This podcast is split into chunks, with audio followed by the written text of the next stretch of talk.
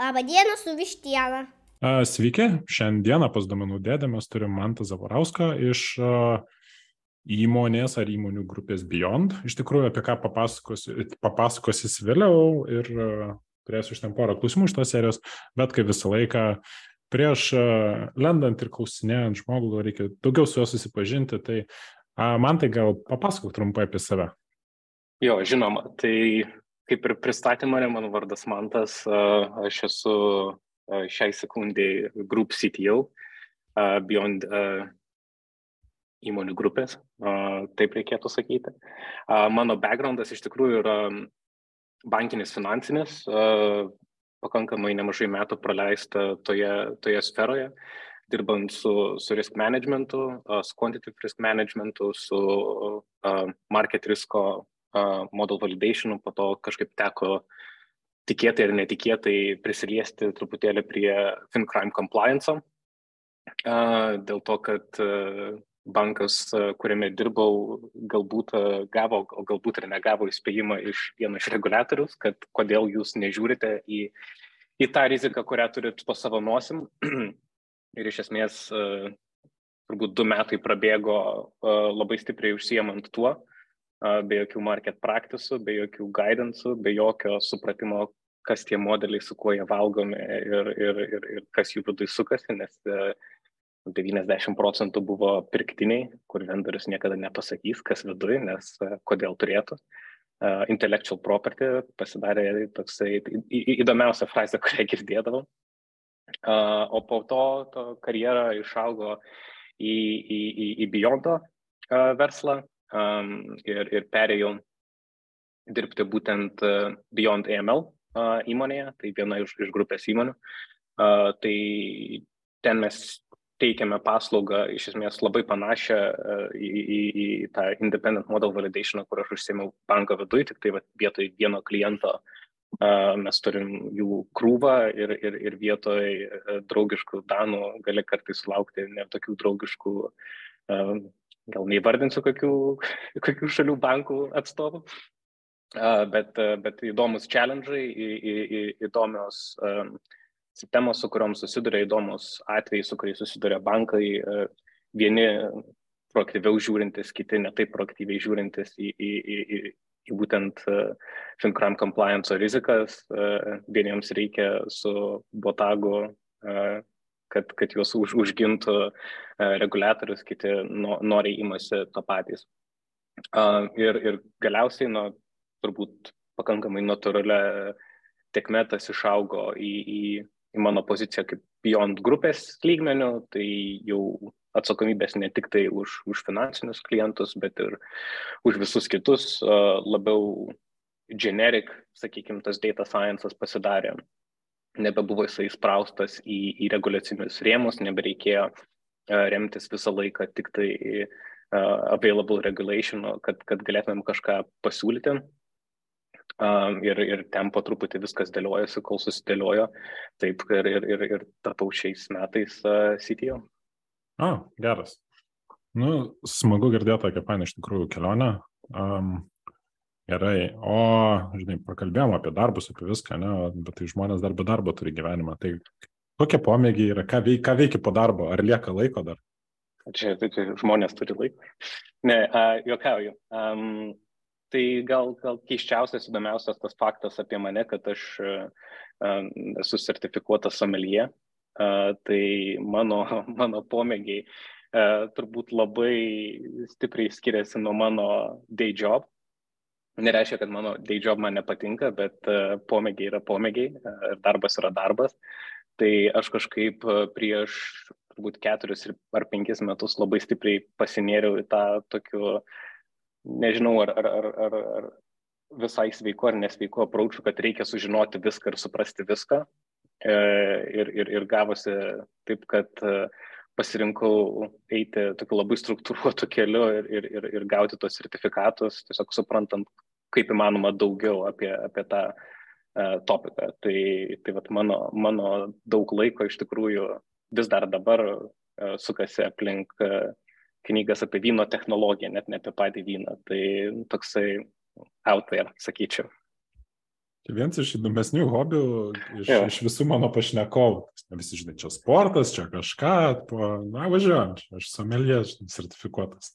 Toks, nu, kažkaip, kažkaip po darbo reikia atsipalaiduoti. ok, ok. Tai gerai, todėl, kad jau, žinai, užvedai žodį darbas, tai sugrįžkime apie Beyondą. Tai bendrai, aš, ne, kaip suprantu, jūsų grupė yra trys įmonės, ką aš pastebėjau, Beyond jo. ESG, čia spėjau su tais um, Gerai, papasakosi daugiau tu, kad aš neprašaučiau labai smarkiai, paskui heito nesulaukčiau. Uh, Beyond Analysis ir uh, Beyond DML. Ne? Jo. Tai, tai ką veikia tai kas? Jo, tai iš esmės, nu, kaip, kaip ta visa istorija prasidėjo prieš 15 metų, man atrodo, dabar su, su Beyond Analysis, kas ir skaitosi mūsų core business.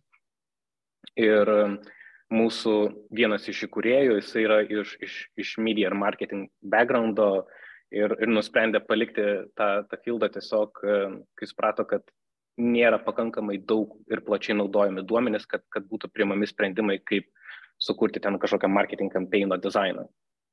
Ir jisai perėjo um, į, į Britų įmonę pavadinimu Dunhamby, kuri yra irgi data science ir, ir analytics įmonė, kuri ten pagrindė dirba su, su retaileriais daug metų praleido tenai ir kai jam neleido išsipirkti savo divizijos, jisai nusprendė įkurti uh, Beyond Analysis kaip, kaip, kaip verslą.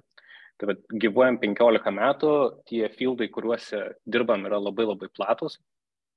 Um, iš esmės, um, turbūt per, per, per tuos 15 metų prisilietam prie didžiausių sektorių, tai nuo, nuo, nuo healthcare iki shippingo, iki travel industrijos, um, tie, tas pats retailas ir, ir skirtingi retailai ir gamintojai ir tiesiog pardavėjai. Ta prasme, tai, tai labai labai platus spektras, daug uh, ir, ir įvairių skirtingų projektų iš data engineeringo pusės, ne, ne, ne vienas pastatytas data lake'as dėliem retaileriam, uh, iš data science perspektyvos, vėlgi nuo, nuo, nuo tokių paprastesnių uh, customer targetingo approachų ir, ir kaip geriau approachinti specifinę, specifinį klientą, e, iki tokių galbūt labiau ezoterinių, kur e, bandėm nu, ir pakankamai sėkmingai e, identifikuoti web trafiką ir suprasti, kas kuo domisi ir ką skaito per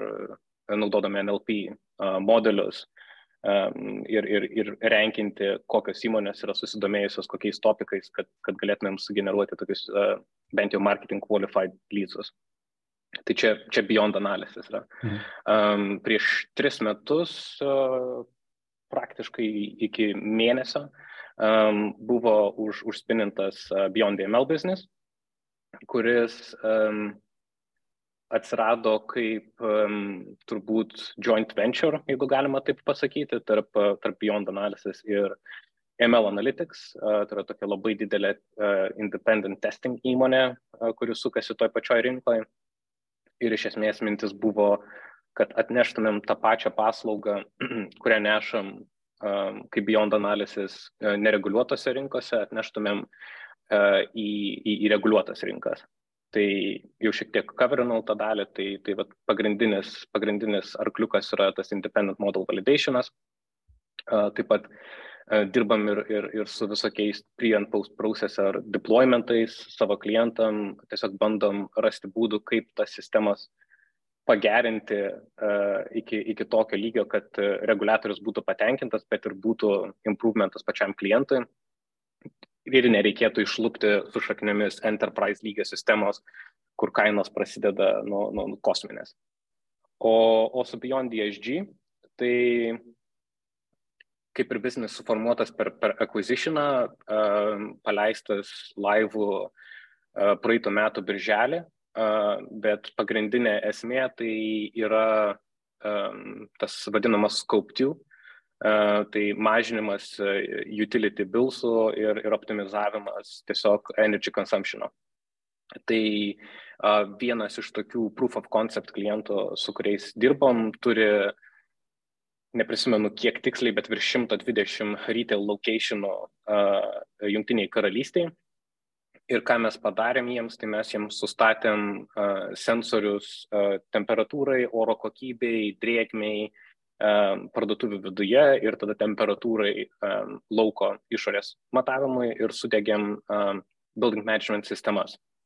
Ir iš esmės per tas building management sistemas mes matom, kas yra kada įjungta ir kas yra kada išjungta. Ir iš esmės vadovaujantis principų, kai dalykai turi būti išjungti, jie turi būti išjungti.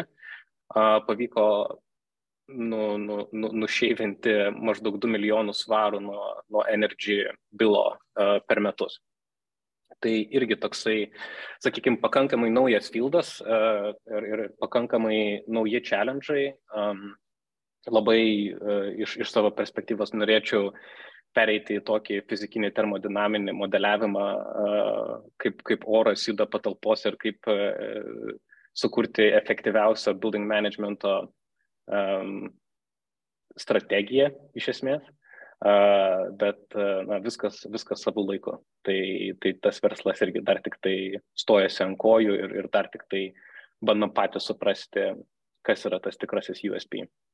Ok, nu čia geras. Tai žodžiu, daug IoT dėtos uh, susirinkti. Jo, jo, jo. Ok, o man tada natūraliai klausimą, o kodėl pavadinimas Beyond? Toks, toks mistinis, žinai, toks atrodo. Jo, tai, tai turbūt dėl to, kad įmonė iš esmės kaip ir yra padalinta į dvi dalis, jeigu taip labai rafliai. Mhm. Mes turim techninius žmonės ir mes turim tada tokius business consultants arba management consultants. Ir mūsų principas visada buvo pateikti findingus, kad ir kokie tie findingai bebūtų, tokiu būdu, kad, kad biznis galėtų iš karto jau ir daryti tos sprendimus. Tai iš esmės ir yra ta logika, kad mes einam beyond just analysis arba beyond tiesiog uh, pateikimo kažkokio outputo uh, ir, ir mes tengiamės uh, įgalinti savo, savo tą end klientą priimti teisingą sprendimą remintis duomenimis, o ne, o ne kažkokiu gut feel. Okay. Um, dabar iš to, ką pasakoja, ne, tai aš taip spėju, didžioji dalis klientų ne, ir apskritai veikimo, ne, tai yra jungtiniai karalystė, ne? Jo. O tai kaip, kaip atsidūrė Lietuvoje Beyond? Jo, tai, tai Lietuvoje mes atsidūrėm dėl to, kad uh, uh, turėjom CTO prieš mane, kuris irgi buvo lietuvis, su įmonė praleido 11, 12, 13 metų, net ne, neprisimenu kiek tiksliai. Ir iš esmės atėjo uh, kaip, kaip analitikas ir užaugo kartu su įmonė. Uh, jisai ekspertas buvo, tai jisai ilgai gyveno Junktiniai karalystiai, tada dėl biznio gyveno ir Singapūrė kurį laiką ir po to galiausiai nu, nusprendė, kad, kad, kad reikia grįžti. Uh, ir grįžo ir kažkaip su juo grįžo arba įsikūrė, reikėtų sakyti, techninis tymas čia. Tai nes atradom iš tikrųjų labai daug talento, labai daug stipraus talento, um, ką turbūt, nežinau, ar, ar, ar visi lietuviai patys atpažįsta ir patys supranta, kad mes ruošiam tikrai stiprų talentą būtent šitose srityse, nes lyginomės ir su techniniais žmonės, žmonėmis, kuriuos turėjom seniau Junktiniai karalystiai, turėjom ir skirtingų offshore visokių uh, Azijoje ir, ir tikrai, nu, kaip pjausi, kaip žiūrėsi, lietuviai sugebėdavo padeliverinti didesnę vertę. Ir ar tai yra tik tai purely iš, iš skillseto perspektyvos, turbūt ne, nes ką mes atradom taip kolektyviai ir, ir, ir aš pats atradau ir supratau, kad nu, mes turim tą tokį žingeidumą ir norą išsiaiškinti iki galo, kuris galbūt ne, ne visur egzistuoja. Tai, tai kažkaip visai, visai sėkmingai mes čia ir įsikūrėm. Ok. Gerai, dar, dar pastiksinsiu. Tai yra techniškai jūs tokia projektais užsijimate, na, embedinat kažkokią savo komandą, a, duomenų žmonių plus įvairių kitų specialybių, na, ir sprendžiat problemas. Na? Jo. jo, tai dabar neslėpsiu, ne, jo, duomenų dėdė, tai duomenų dėdė įdomu apie duomenų komandas. Tai a, ar turit kažkokią praktiką, ne, kai einat į projektą? Spėju, priklauso viskas nuo requirementų, ne, kokie yra jo. verslo poreikiai ir panašiai. Tai kaip struktūrizuoja tas komandas, ne, į ką atsižvelgiat, kiek kokių žmonių reikės, ne, kaip tas tiesiog komplektavimas vyksta pas jūs? Jo, tai, tai visiškai esi teisus, labai priklauso nuo, nuo, nuo kiekvienos situacijos ir nuo kiekvieno kliento ir iš esmės mes labai stipriai tikim tuo uh, co-development um, procesu. tai visur, kur yra įmanoma, mes norim į, įtraukti kaip įmanoma daugiau klientų atstovų. Tiesiog, kad kai jau ateis laikas daryti handoverius ir suprasti, ką jie čia suportina, kad nu, jie turėtų tą first hand experience, o nebūtų tiesiog paremta dokumentacija ir po to ten, po dviejų, trijų metų, ai, kažkas čia makaronų prikabino, nesuprantu, kas vyksta. Tai visada mes bandom atsižvelgti į tai, kiek klientas yra pasiruošęs ir kokio tipo resurso suteikti mums. O toliau viskas jau priklauso labai nuo, nuo tų reikalavimų ir, ir nuo to, su kokia problema klientas ateina. Iš tikrųjų, iš, iš tos paskutinės patirties bent jau tai mes turim tokių um, klientų ir, ir, ir projektų, kurie yra pakankamai konsoliduoti vieno tipožo specialistė. Tai tarkim, dabar migruojam vienam klientui Data Lake iš AWS į GCP dėl to, kad jie yra Google toksai proof of concept klientas ir, ir Google tenai gal ir, ir subsidijų kažkokių duoda, nežinau, uh, tam klientui, kad jie tiesiog tą pasidarytų. Uh, tai tenai, va, tarkim, dirba keturi ar penki data inžinieriai ir jie dirba embeddinę uh, kliento komandai kartu su jų specialistais.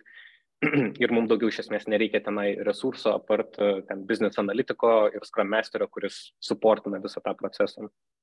Bet lygiai taip pat turim klientų, kuriems reikia, sakykime, tokio mažesnio skeilo, bet end-to-end. -ą. Jie ateina pas mūsų problemą, kad man reikia arba pasistatyti kažkokį specifinį reportingą, arba man reikia pasistatyti kažkokį specifinį forecastingą, bet jisai neturi jokios domenų infrastruktūros, tai tada jau dirbs ir vienas arba du data inžinieriai, kurie pastato tą minimalią infrastruktūrą, susetina ETL'us, sutraukia visus duomenis į vieną locationą, pasidarom standartizavimą, data quality ir tada jau atiduodam, ar tai būtų data analitikas, ar data scientistas, kuris gali sukurti ten tą solutioną on top of it. Tai labai labai priklauso nuo, nuo to, ko klientas atėjo ir paprašė, nuo to, ką klientas gali pats suteikti ir, ir, ir galiausiai, žinai, tas kaupas taip ir apsibrėžia. Okay. Tai aš taip spėjau klausti apie e, techninius įrankius ir panašiai, visiškai nėra relevant, nes per kiekvieną klientą tai varijuoja jaučiu nuo on-premo iki cloudinių, nuo vieno ant kito.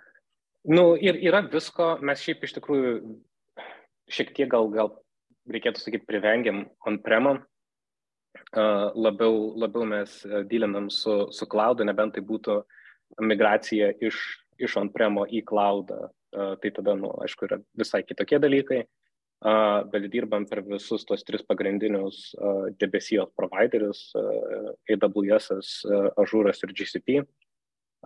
Iš, iš tos teko perspektyvos tai vienareikšmiškai labai priklauso nuo to, koks tekas yra kliento pusė, jeigu jisai egzistuoja.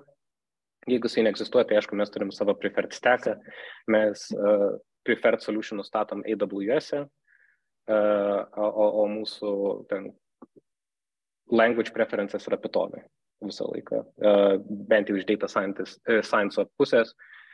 Turėjom seniau Ero, kas statist, iš statistinės ten perspektyvos yra leaps and bounds ahead, bet iš deploymento um, inžinieriai ne, nesidžiaugia labai stipriai, jeigu jų paprašai Ero kodą padeployinti. Tai aš kažkaip stengiuosi galbūt per daug nenervinti žmonių. Na jo, ok, nes aš galvoju, jeigu buvo tas ir tas, kaip, su, kaip nusprendė, bet jau atsakė iš. Jo aš irgi turėjau tokių patirčių, kai Ero kodą mes migravom paskui Pythoną dėl vienokių ir kitokių priežasčių, plus ten paskui prasidėjo, man atrodo, kai kurios bibliotekos ten su skirtingu licensingu ir techniškai ir negalim naudoti. Jo. Nes vis tiek Eras, man atrodo, jis yra labiau toks į akademiją pritaikytą kalbą, ne? Jo, jo, jo vienareikšmiškai. Ir, ir aišku, tenai tos, tos proof of conceptus kažkokius ar kažką su eru yra pakankamai lengva pasistatyti, nes daug kas ateina tau out of the box. Bet kai ateina tas, tarkim, scalingo problemos, nu, tai jau eras yra, yra sudėtingesnis solutionas. Ir lygiai taip pat mes dabar rudenį persirašinėjom vieną savo supply demand modelį, um, kuris uh, supply demand modelis tokiam workforce, workforce optimizationui tai yra ten 190 tūkstančių žmonių bankas, kurį reikia suprasti, kaip jisai juda. Tai persirašinėjom iš Ero į Pytoną ir, ir, ir vien tas perrašymas buvo visiškas galvos skausmas, nes Eras e, apvalina vienaip, Pytonas apvalina kitaip, o kai nori sumečinti viską idealiai, tai kai pradedi ieškoti tenai kodėl, tai nu, tikrai, tikrai didelis galvos skausmas. Tai kaip svarų prognozėm, net tas, kur modelis yra, kur dėl mašininio tikslumo chaosas pasidarė. Okay. Jo. Ok, um, gerai, tai šitą dalis aiškiai, ta klausimas, ne, apie jūsų hairinimą, ne? Nes minėjo, ne, labai platau, platus spektras ir užduočių, ne, tai pas jūs ir poreikis skirtingų žmonių yra, ne, tai ar turit kažkokią, nežinau, standartizavęsi interviu, spėjau, greičiausiai bus pagal rodas, ne, tai gal trumpai apie kaip hairinat žmonės, kokie procesai? Jo, standartizaciją turim, bet uh, aš kaip visada sakau, mūsų tas interviu procesas turbūt yra šiek tiek kitoks negu, negu yra įprasta rinkoje. Tai mes dažniausiai samdom po antro interviu, ten į trečią, ketvirtą, penktą mes nekviečiam žmonių, ne, ne, nekankinam ir nebandom ištesti į, į, į mėnesio trukmės procesą. Pirmas, pirmas mūsų interviu visą laiką būna toks labiau įmonės pitchas, nes mes tikim, kad na, ir žmogus pats turi norėti dirbti čia. Nėra tik tai taip, kad mes turim norėti, kad, kad žmogus dirbtų čia. Tai mes labai daug laiko praleidžiam kalbėdami apie, apie struktūrą, kokie turėtų būti expectationai, koks yra darbo tipas, kadangi tai yra konsultacinis darbas, tai nėra darbas prie produkto, kur ten galėtum galbūt už ekrano pasislėpti ir, ir, ir ramiau gyventi. Um, nesakau, kad ramiai, uh, bet ramiau. Tai um, Tai, tai mes labai daug laiko iš tikrųjų praleidžiam nupasakodami, kaip mes dirbam. Um, po pirmo interviu, nu, tas susipažinimas, aišku, e, yra dvipusis, um, bet po pirmo interviu mes išsiunčiam uh, namų darbus uh, dažniausiai 48 valandos iki antro interviu. Uh, pats namų darbas pas mus yra išskirtinai paprastas. Esam gavę komentarų kad e, žmogus galvojo, kad e, ar mes čia bandom kažką apgauti ir kažkur paslėpiam kažkokią prasme tam namų darbo ir kodėl jisai tik tai toksai. Bet principė, kodėl jisai yra toks paprastas, dėl to, kad vienas dalykas, e, aš galbūt netikiu tuo principu, kad, kad reikia ten prifitinti kiečiausią modelį namų darbam, kad tu parodytum savo tą technologinį maturity lygį.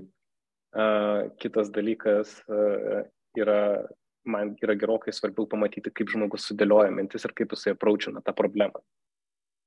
Nes visa kita, nu, ta prasme, būkim sąžininkai prieš save, visi žmonės technologijų sektoriai mokam googlinti ir googlinam ir, ir aiškinamės ir nėra taip, kad viską prisimintumėm uh, uh, mintinai ir, ir žinotumėm visus atsakymus ir tai yra visiškai fair enough, ta prasme, žmonės, kurie moka googlinti, turbūt yra kitesni specialistai negu, negu bet kas kitas. Uh, tai, tai mūsų tos užduotis yra pakankamai tokios straightforward. Ir mes, uh, net ir tas, tas antras interviu pas mus yra toks mažiau struktūrizuotas, nes mes nepasakom nei toolso, su kuriuo žmogus turėtų atlikti tą taską, kad pamatytumėm, kokį pasirinkimą mm, pasirinks iš esmės tas, tas kandidatas, nei kaip tą prezentuoti, ar pasiruošti skaidrės, ar rodyti kodą, ar rodyti dar kažką, ta prasme. Ir, ir, ir įdomiausia dalis yra pamatyti kokius įrankius žmonės pasirenka ir, ir nu, tai būna viskas, ką gali įsivaizduoti iš esmės. Ten, nu, e, ir, ir yra, yra kas bando su Exceliu kankintis, yra kas SQL database'us pradeda kurtis mažus, žinai, lentutes ir dėliotis tenai, yra kas su R, yra kas su Pythonu, e, yra kas nerodo kodo ir eina per atsakymus. E, tai vat, pamatyti, kaip žmogus apraučina e, yra kažkaip man gerokai svarbiau negu, negu gauti visiškai teisingą atsakymą. Nes mes ir užduotį esam palikę tokių vietų, kur nu, yra dviprasmybių visokiausia. Ir kaip tu dylini su dviprasmybėm. Ar tu padarai prielaidą ir nutyli tą prielaidą ir tiesiog e, parašai tą atsakymą, kaip tau atrodo, ar tu kolautini, kad nu, čia nėra aišku, bet yra, yra trys skirtingi būdai, kaip aš galėčiau tą suskaičiuoti, bet aš skaičiuosiu visais trim skirtingais būdais. Tai, tai, tai vat, vat tas interviu procesas yra toksai, nežinau, ar galima jį pavadinti laisvą formatą, e, bet jisai yra, yra mažiau struktūrizuotas, kad mes pamatytumėm mąstymo procesą ir galiausiai kaip žmogus jaučiasi prezentuodamas. Ir kaip žmogus jaučiasi challenge'inamas, nes labai didelė darbo dalis yra dylinti su klientu, kuriam nu, ne visada yra lengva pasakyti, kad sorry, nu jūs klystat. Nes jie, jie pažįsta savo verslą, jie supranta, kaip verslas operuoja, bet kartais yra tas atotrukis nuo fakto ir jų supratimo. Ir jeigu tu turi kažką, kas tave challenge'ina, tai vad kaip tu tokioj situacijoje elgiesi ir ar tu nepasimeti, ar tu sugebi sudėlioti savo mintis toliau ir judėti į priekį yra, yra labai labai svarbu.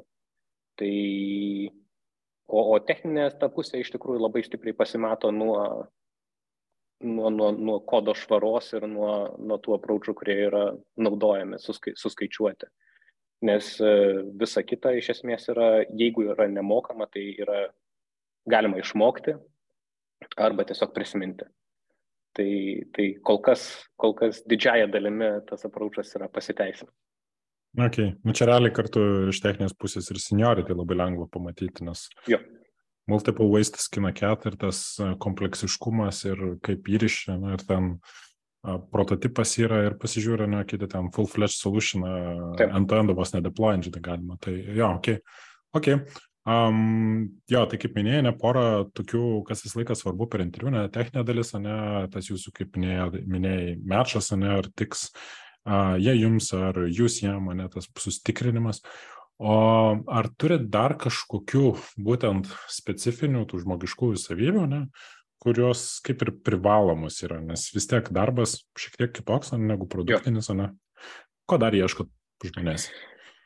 Labia, labiausiai iš tikrųjų um, tai to, to sugebėjimo atstovėti auditoriją. Ne, nežinau, kaip geriau gal tą, tą, tą, tą išreikšti, bet principas yra tas, kad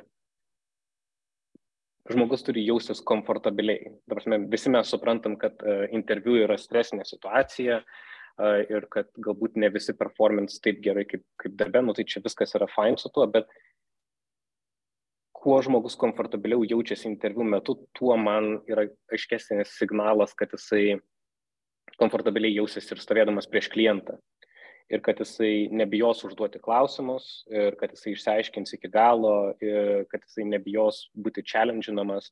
Aišku, čia irgi yra toksai labai didelis to seniority uh, atspindėjimas, nes nu, iš patirties seniorai iš viso nebijo, kai juos challenge'ina, nes jie supranta, kad jie negali visko žinoti, juniorai labiau bijo, kai juos challenge'ina.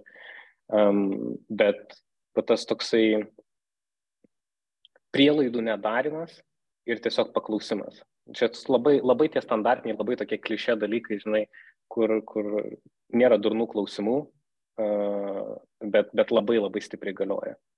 Ir iš tikrųjų, kai dirbi tokiam fast pace ir, ir dinaminiai aplinkoj, kai nedirbi didelėse komandose, dirbi tenai po kelis, o kartais iš tikrųjų tenka dirbti ir po vieną, kaip techniniam žmogui prie kliento, tai labai labai svarbu, kad, kad žmonės nedarytų prielaidų ir, ir iš tikrųjų pasiklaustų ir išsiaiškintų. Tai vat, tą mes bandom iš, išjausti kaip įmanoma geriau uh, kiekvieno interviu metu. Ok. Na, tas standartinis klausimas iš tikrųjų, o kaip tarp komandos narių ieško to tokio sąryšio, ne? nes projektuose jūs kombinuojate iš įvairių žmonių, ne? kaip tas vyksta, ar turi, tarkim, nežinau, kažkokius uh, susidarę profilius, kad čia, žinai, pagal vienas įbės šitie du kaip ir tiktų, ne, kitą projektą, nu, šitie gal būdų jau nelips, ne, kaip tas vyksta? Jo, tai kažkaip, kol, kol, kol esam tokie mažiukai, tai mes galim galbūt affordinti, turėti prabangą atsirinkti žmonės, kuriuos mes tikimės, kad jie lips su, su didžiaja dalimi e, žmonių. E, iš tikrųjų tų, dėl, dėl tų projektų priskirimų, tai mes visada stengiamės atsižvelgti į, į skillsetą ir į experience, tiesiog, kad išnaudoti kaip įmanoma geriau žmonės jų, jų ir jų stiprybės, arba vadovautis preferencais, jeigu kažkas nori ten kažkokio labai specifinio tasko, tai jeigu tik tai galim tą leisti, tai, tai faktas, kad, kad, kad tą leisim. Uh, bet uh, iš esmės, nu, jeigu turim tokių žmonių, kurie visiškai kartu negali dirbti, nu, tai jau tada tenka ieškoti tų išeičių ir ieškoti, kur ką pajudinti, kad, kad galėtumėm išvengti tų situacijų. Bet kai esi lyn organizacija, tai, nu, tai reiškia tas toksai ryšeflingas šioks toks uh, ir, ir iš tų ilgesnio laikotarpio projektų kartais mes ir išsirotuojam tos žmonės. Nes ir, tarkim, su to pačiu klientu ten tris metus iš eilės dirbti, pasidaro šiek tiek sunku ir, ir, ir jau tas challenge'as toks, tai kaip ir dinksta, tu tampi beveik to, to kliento internal žmogum ir, ir yra iš tikrųjų, tai esi beyond žmogus. Okay. O mm, taip pagalvojau, pagal projektą ne, ir tos įmonės, su kuriam dirbate, jos yra vis tiek, nu, tas met, profilė, ne, jų vis tiek susigrupuoja tam tikrus, ne? Pas jūs yra kažkokia, tarkim, specializacija, ne, bet žmonės yra, tarkim, geriau supranta tą vieną domainą, jie tik dirba tik su tais, ar yra to tokio šokinėjimo į skirtingus? Uh, jo, geras klausimas. Tai vat, būtent iš, iš management consultant perspektyvos mes tikrai turim tokį labai aišku išsiskirstimą, uh, sakykime, sektoriais. iš techninės perspektyvos uh, mes turim tik tai išsiskirstimą, uh, kai klausimas jau kyla dėl, dėl um, FinCrime compliance, dėl to, kad ten jau reikia SME knowledge. Tiesiog, kad galėtum deliverinti tuos solutionus, uh, tu turi suprasti ir kas yra leidžiama, ir kas nėra leidžiama, ir kokie error reitai yra acceptable, kokie error reitai nėra acceptable. Tai tiesiog va, tenai, tenai jau yra toks labai specifinis SME knowledge layeris. Onboardingas mūsų yra e, į, į tą pusę biznio irgi labai extended ir labai toks convoluted, nes suteikti tą knowledge, kad galėtum uh, dirbti nepriklausomai, uh, aš taip visada skaičiuodavau 2,5-3 mėnesio tokio gero įdirbio. Tai, tai va tenai turim, o visur kitur mes tengiamės būti pakankamai tokie um, generalists, jeigu galima taip išsireikšti, nes ir tos klientų problemos, jos didžiaja dalimi yra labai panašios, kai, kai tu jau nubaldaunini iki, iki tokių fundamentalių dalių ir, ir to, ką tu turi sudeliverinti tam klientui. Tas, aišku, yra įrašama jų specifinį business kontekstą, bet, bet fundamentaliai iš techninės perspektyvos tie solutionai, jie, jie, jie yra kažkiek panašus tarpusavyje. Ok, na, kad paminėjau onboardingą, uh, tai uh, iš, iš nušoko, žinai, nu interviu, tada už kartą apie kaip kas vyksta darbas. Tai uh, gerai, tai praėjom interviu, ne? Uh, Kaip jūs onboardina? Nes suprantu, pas jūs onboardingas yra iš dviejų dalių, ne? Tai vienas bus į komandą, ne? o kitas bus jau įmonė pas klientą, ne? Tai turit standartizavęsi kažkaip, kaip atrodo tokie pirmieji žingsniai vieno ar kito situacijoje? Um, kažkiek tas yra standartizuota, kažkiek dar reikia ir, ir įdirbio, kad, kad, kad ne visada galima padaryti geriau. Uh, norėtumėm būti taip susistandartizavę kaip Big Corpai, bet kad susistandartizuot kaip Big Corpui turbūt reikia tiek turėti HR žmonių, kiek mes iš viso žmonių turim. Tai, tai ne visada gaunasi opcija. Bet iš esmės pirmos savaitės tai mes prašom, kad žmogus praleistų kuo daugiau laiko susipažindamas su, su bizniu plačiaja to žodžio prasme tai ir su specifiniais uh, klientais, su kuriais mes dirbam, bet ir su um, kiekvienu department lydu, su C-suite, su HR atskirai, tam, su marketingu atskirai, su uh, account lydais atskirai. Tiesiog, kad kiekvienas žmogus gautų pap progą papasakoti, kaip jie dirba, su kuo jie dylina, uh, kad naujokas, kuris ateina į įmonę, žinotų, kad, okei, okay, jeigu man iškils va, toks ir toks klausimas, aš žinau tiesiai pas ką eiti. Tai mes tengiamės iš tos komunikacinės perspektyvos ir iš e, e, įmonės e, kultūros perspektyvos išlaikyti kaip įmanoma e, plokštesnę struktūrą. Tiesiog, kad visi galėtų eiti pas visus. Tai va, tos pirmos savaitės yra labai daug to ėjimo pas visus kas be ko turim ten standartizuotus treningus, ką, ką turi praeiti, visi tie labai smagus dalykai kaip data security policies ir, ir panašiai, tai nu, kaip ir priklauso pasimėgauti dokumentaciją, gauti visus accessus ir panašiai, o po to jau prasideda tas onboardingas į specifinį projektą, su kurio dylinė. Tai toj vietoj vėlgi labai priklauso Ar tai yra long term projektas, tai yra kelių metų, ar tai yra short term projektas, um, priklausys ir lygis to onboardingo, kokį tu turėsi su pačiu klientu. Jeigu tai yra toksai embedded klientas, mes, tarkim, dirbam su, su pora klientų ir septynis metus ir, ir, ir ilgiau, tai faktas, kad yra daug susipažinimo ir kliento pusėje, jie turi savo krūvą dokumentacijos, kurią tu vėl turi pereiti, tai toksai double the fun. Um, jeigu tai yra shorter term projektas, tai tas kulpas šiek tiek yra mažesnis. Ok. Na, skamba kaip uh, toks įdomus kelias iš tikrųjų, nes aš pats netiek daug turiu tos konsultacinės ar projektinės veiklos savo patirtį, tai man tokia uh, skamba kaip a lot of fun uh, su ta kita, kita pusė, žinai, kur reikia labai daug skaityti, ruoštis ir žinot. Tai man klausimas toks, ne, tai spėju, per skirtingas įmonės, ne, grupėje skiriasi tas ir onboardingas, ne, nes tam, pažiūrėjau, ML e bus specifiniai dalykai apie reguliacinius dalykus, ne, gal mažiau, ESG dar kiti dalykai. Um, tai natūraliai klausimas, ne, kaip žmonių judėjimas, ar taip pat žmonės dirba ir vienoje, ir kitoje? Tai techninis beisas pas mus yra kaip įmanoma labiau toksai uh, suvienytas, pavadinkim. Mhm. tai ypač tarp Beyond Analysis ir Beyond ESG, tai mes neturim to skirtumo, uh, kur tu gali dirbti. Dėl to, kad uh, to prior knowledge ir prior supratimo reikia, um, jeigu reikia, jis nu, yra pakankamai limited.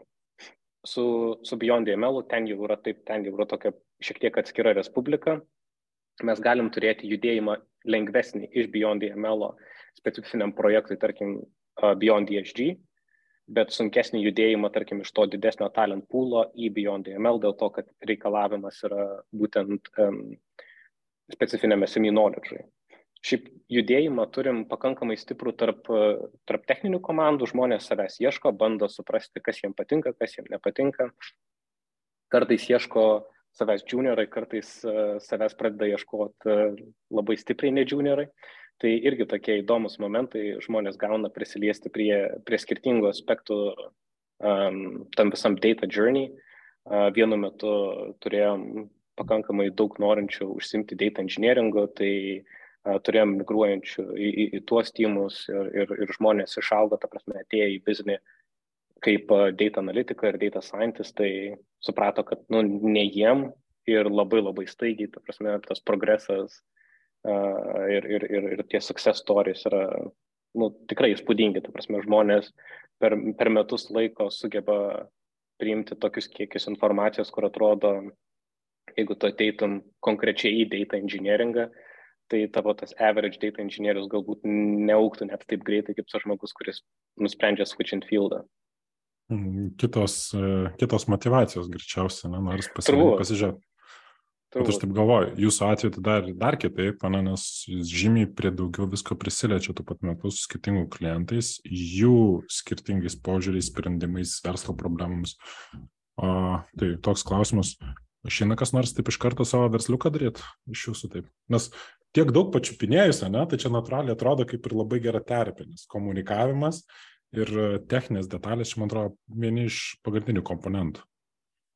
Um, turėjom, uh, turėjom tų tokių patirčių, kur žmonės pamatė gal kažkokias specifines nišas ir, ir išėjo ir užsispinino savo, savo biznius, bet kad tai būtų toksai kažkoksai masinis noras, tai ne, nesimato iš tikrųjų, kas, kas gal ir, ir, ir pakankamai keista. Aš turbūt iki, iki šiandien nelabai apie tą pagalvojau.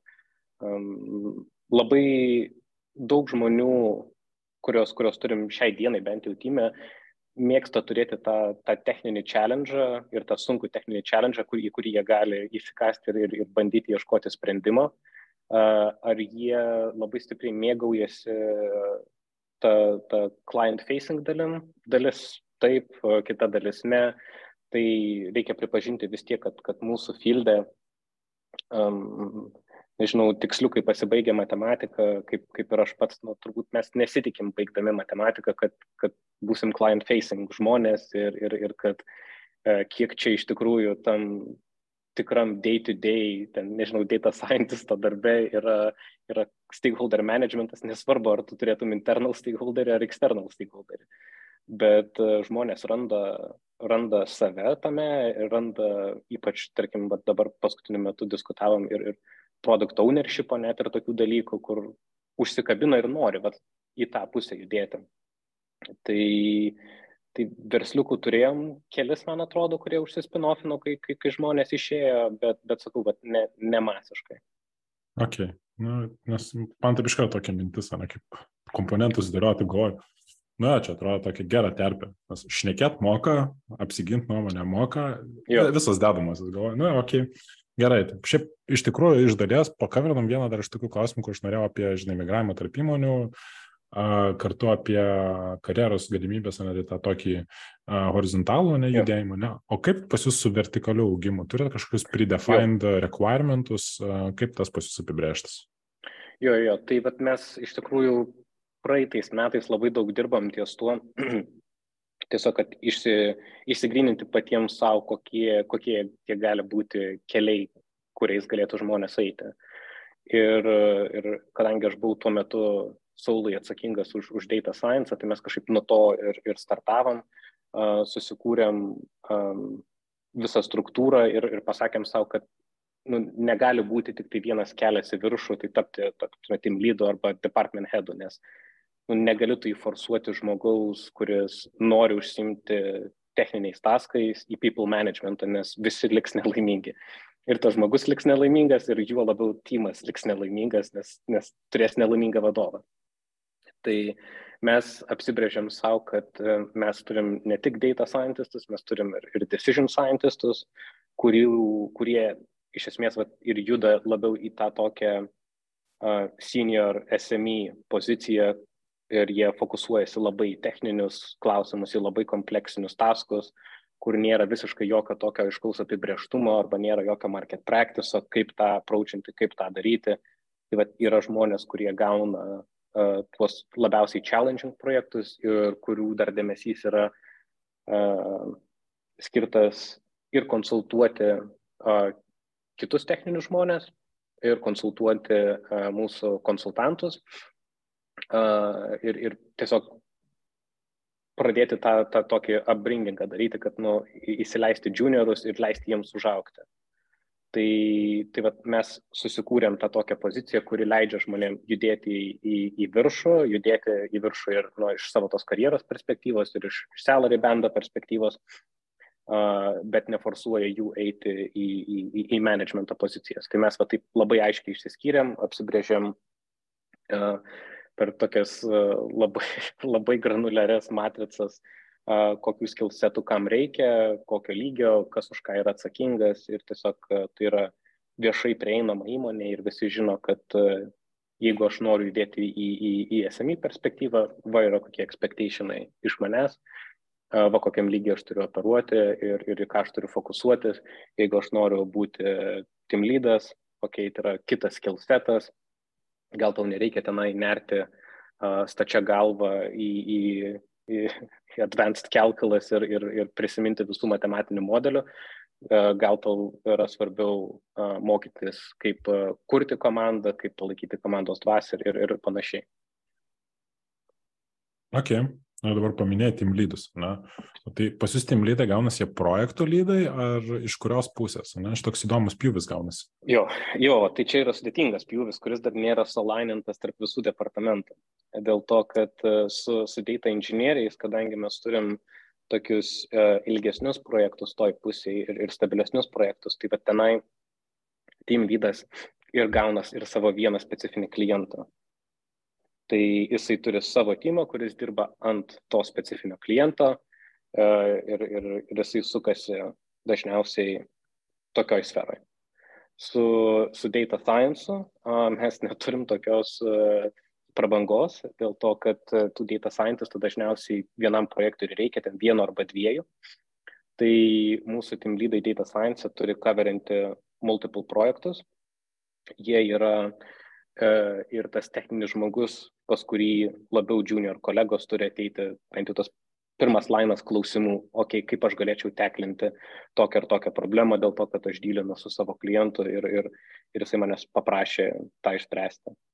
Tai, tai vad toj pusėje mes um, ne, neturim prabangos turėti vieną projektą prie vieno team lydo. Ok. Uh, o tai inžinieringė team lydas nesigauntas dar kartu ir account manageris iš dalies, ne? Uh, ne, nesigauna dėl to, kad mes uh, visą laiką uh, išlaikom tą tokią vidinę taisyklę, kad mes ne, nepaliekam techninių žmonių be, be, be, be konsultantų susitikimuose su klientais. Tai mes visada turim tos, tos konsultantus, kurie yra vietoje ir yra ready to help jų atsakomybė yra būti account uh, manageriu, bet iš esmės, uh, kai, kai, kai klausimai pradeda suktis apie, ok, how do we do this, arba what's your opinion, arba koks yra best practices, arba ką aš galėčiau dar padaryti, kad patobulinčiau, faktas, kad tai yra techniniai žmonės, kurie gali atsakyti tik tai tuos klausimus. Ok, ok, nu, įdomis. Ska, skamba kaip dar uh, linksmas kelias data science pusėje išsigryninti gal.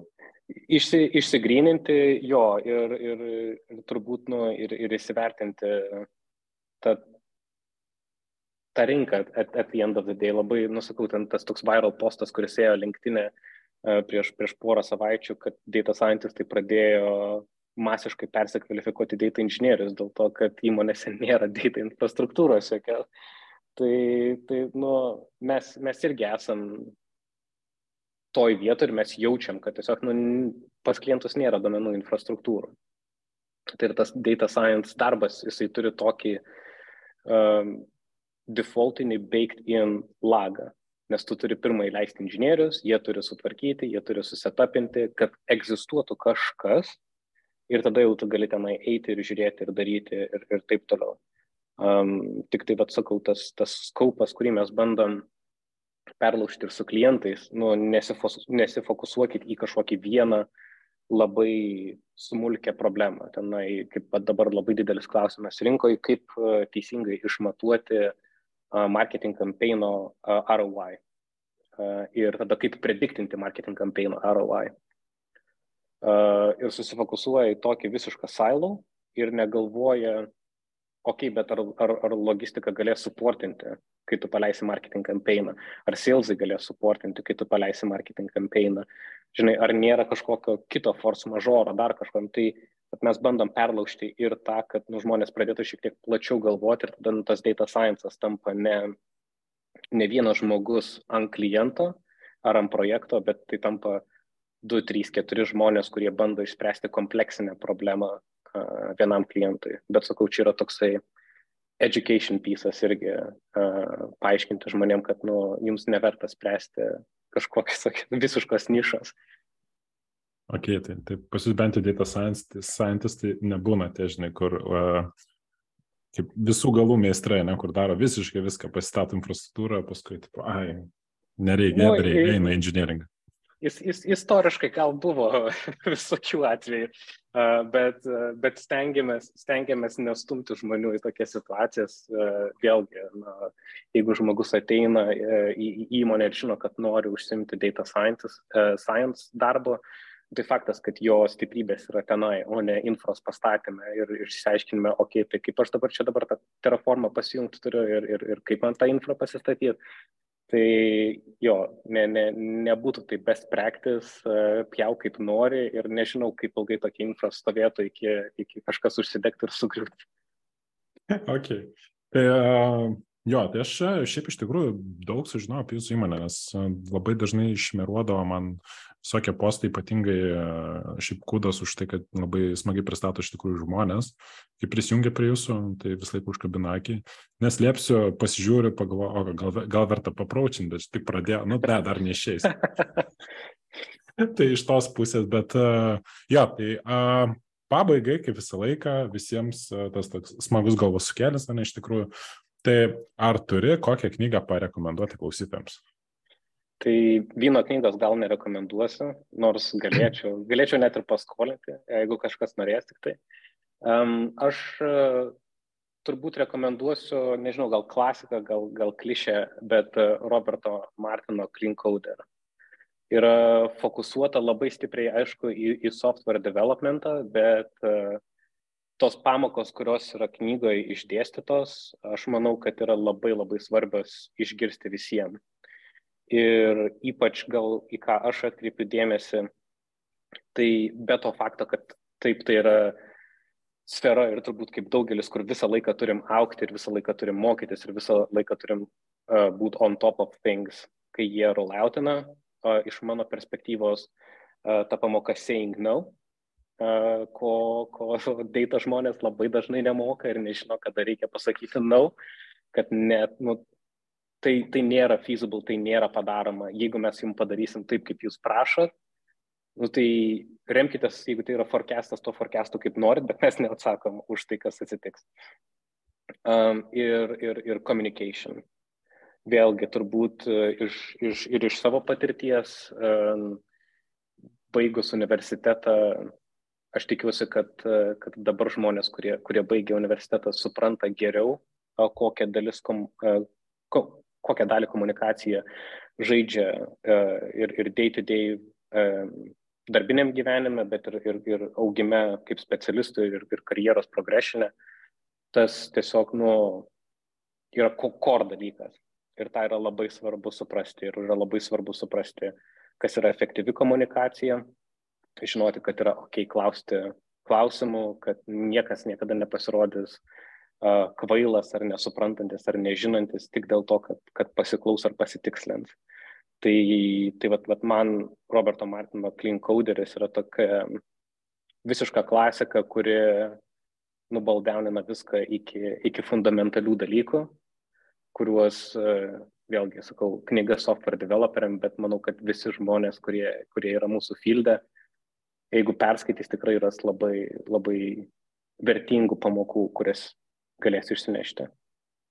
Ok. Na, uh, Gera labai rekomendacija, aš iš tikrųjų nesitikėjau. Uh, uh, ok, tai uh, šiaip iš tikrųjų, jo, mano klausimai baigėsi, iš tikrųjų dėkui tau labai man tai, kad sutikai pasišnekėti ir pasišnekėjom. Tai uh, tikiuosi klausyti irgi daugiau išgirdo ir uh, supras, kaip pas jūs vyksta tiek darbas, ne tiek visi procesai, kas susijęs su, žinai, projektais, kaip dėliojatės dalykus. Ir kaip iš tikrųjų interviu vyksta, kas irgi duoda labai gerą insightą apie pačią įmonę.